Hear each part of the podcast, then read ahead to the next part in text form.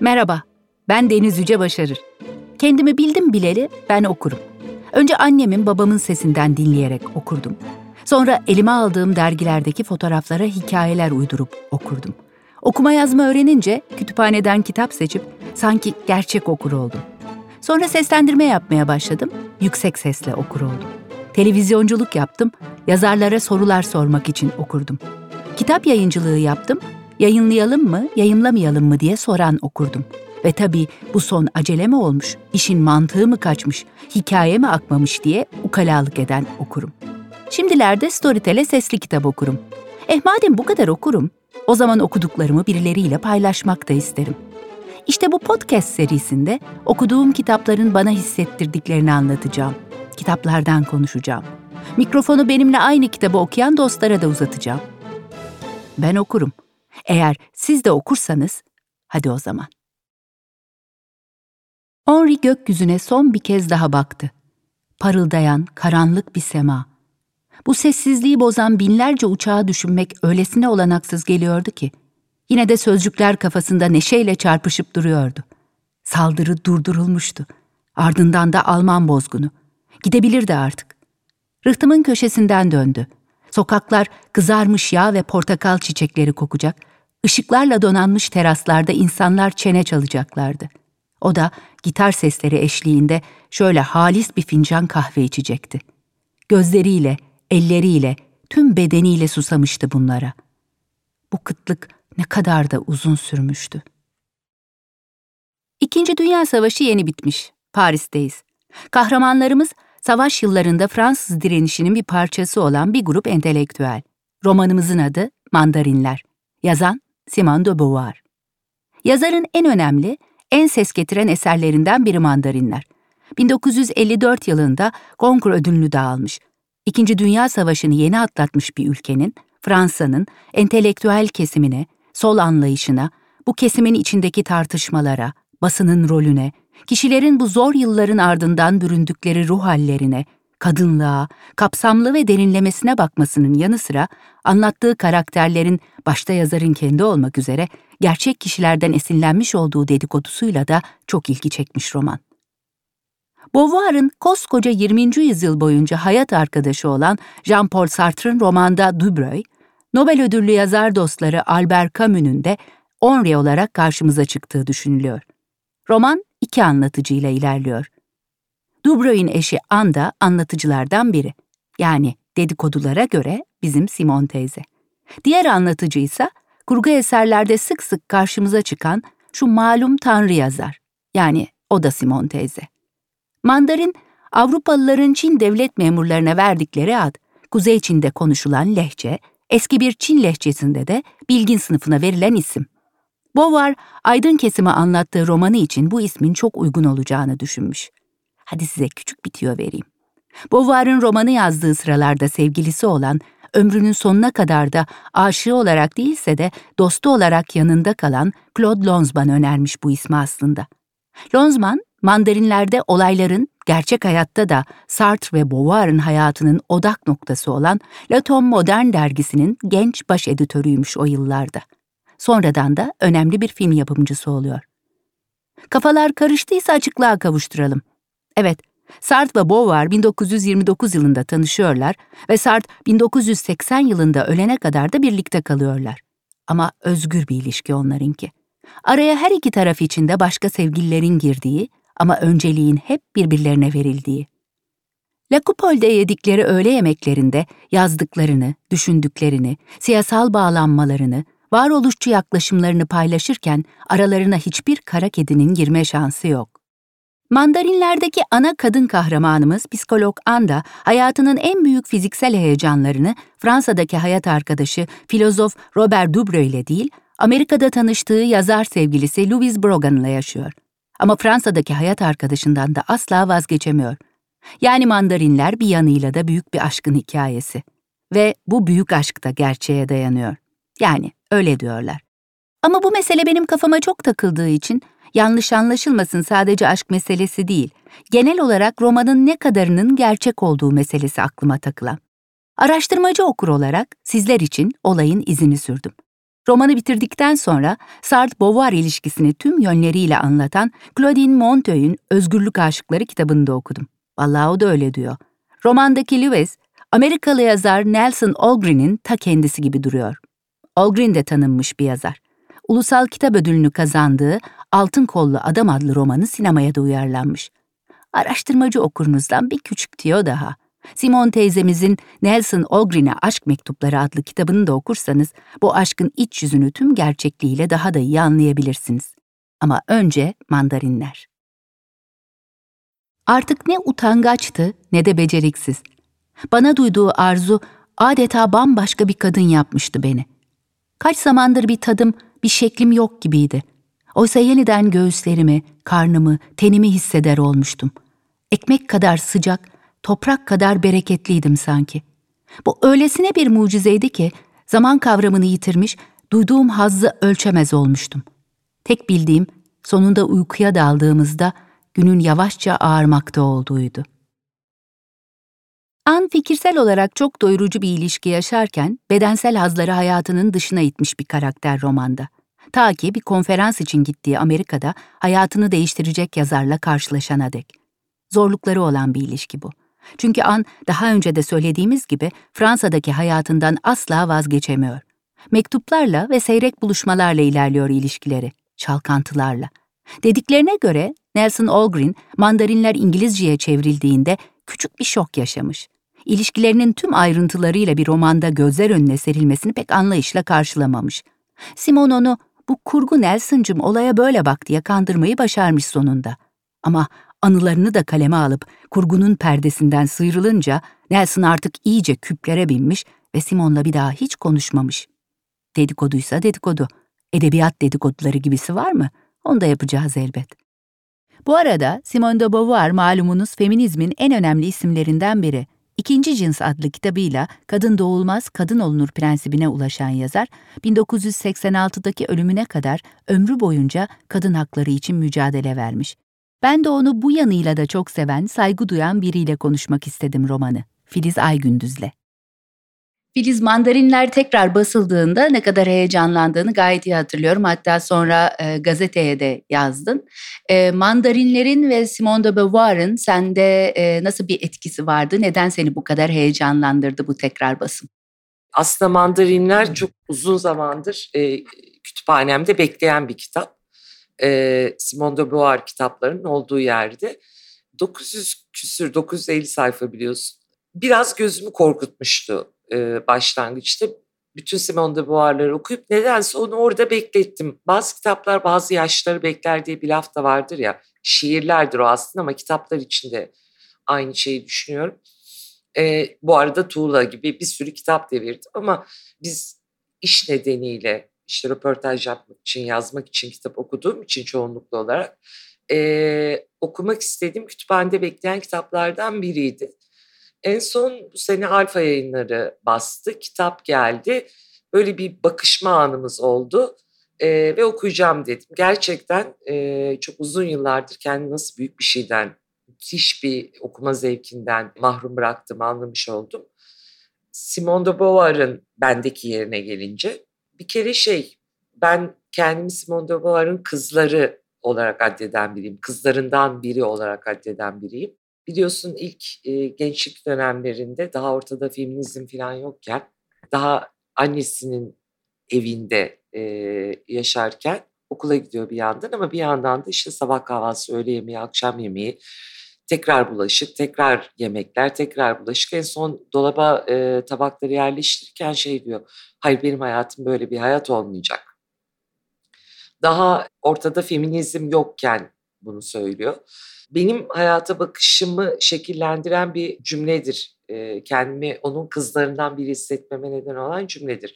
Sonra zaten ardı ardına e, o ikinci cinsler, feminizmle ilgili kitaplar geliyor.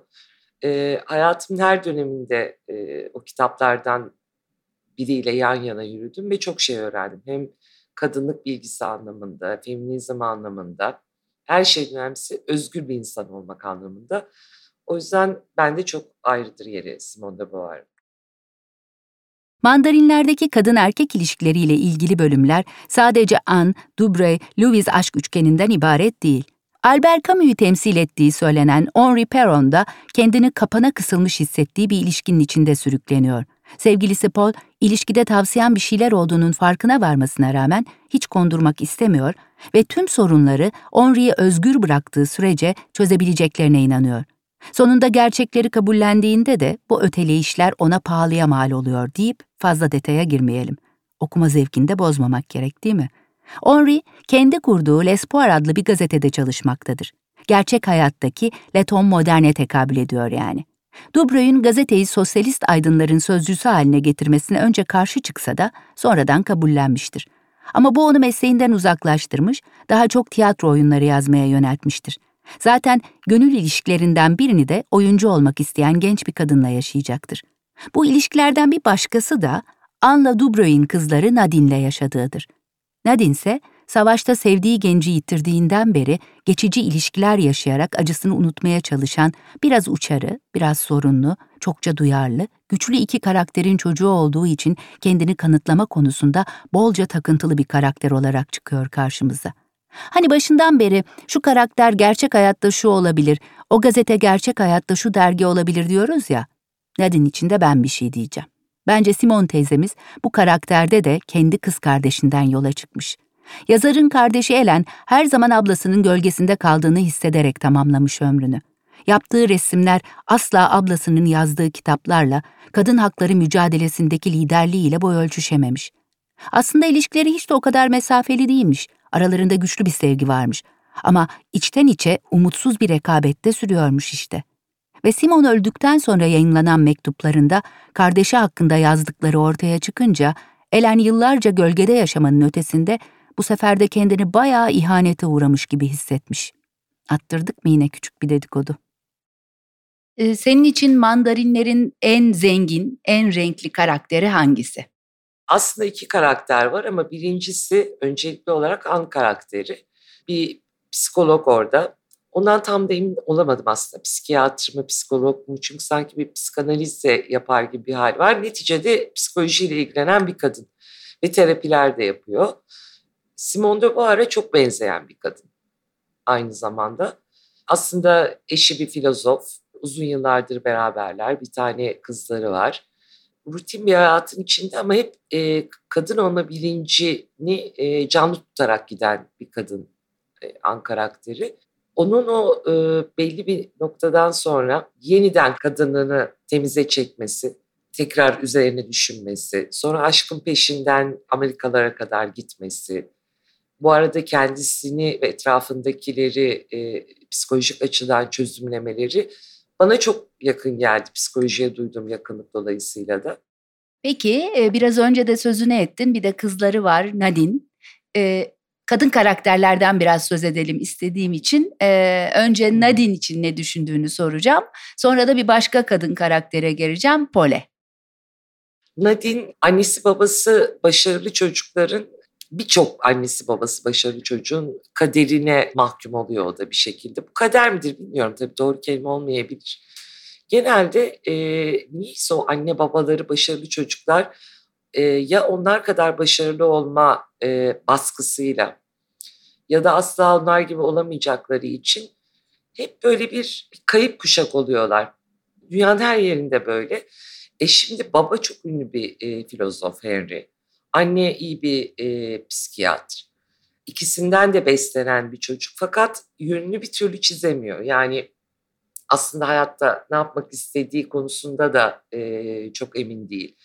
Bir karmaşa içerisinde bir takım adamlarla beraber oluyor. O adamlardan bir şey öğrenmekle o adamlarla olmak arasında gidip geliyor. Yani kadın olmakla insan olmak arasında e, karmaşaları var.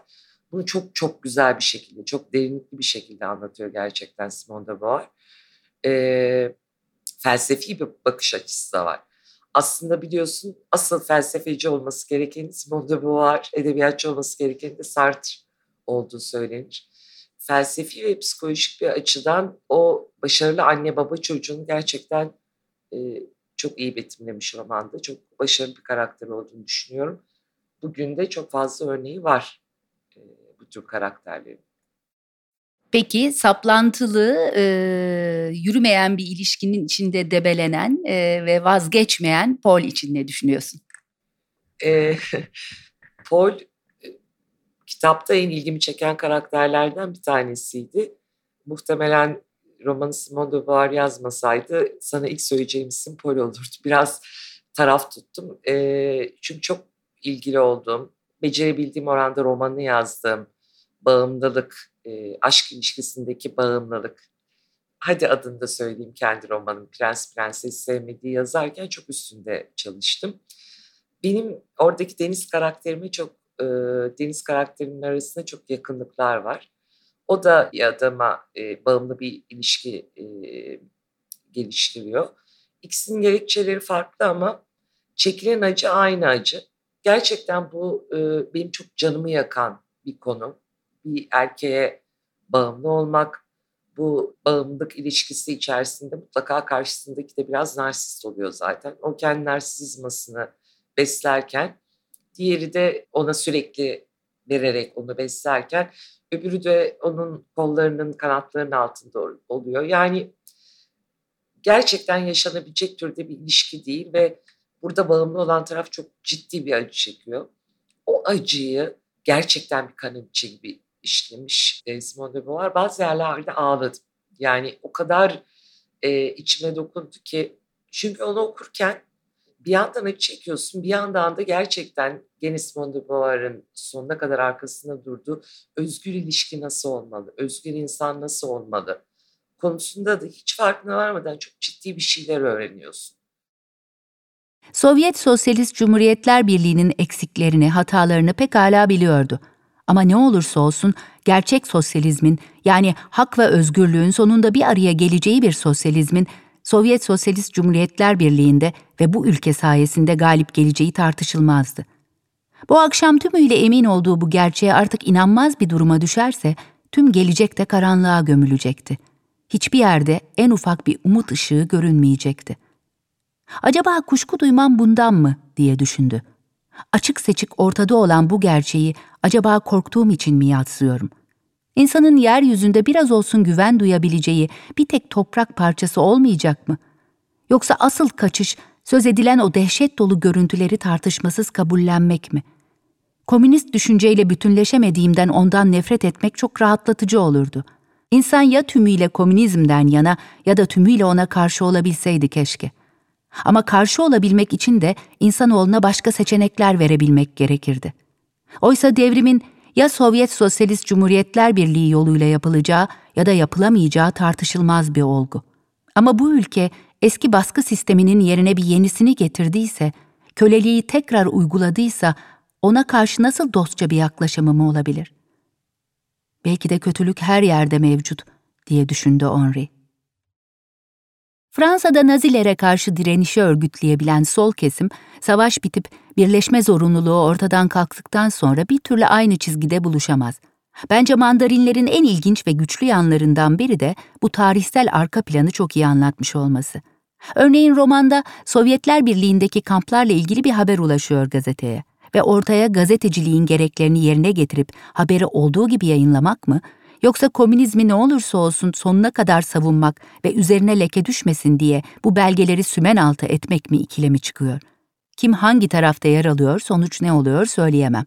Okuma zevkini kısıtlama kapsamına girer. Henri'nin ikilemini dinlediniz biraz önce. Sadece habercilikle ilgili bir ikilem değil bu. Günü geldiğinde hepimiz inandığımız şeyleri sorgulamak zorunda kalmıyor muyuz? Güvendiğimiz dağların tepesinde yağan karları görüp hayıflanmıyor muyuz?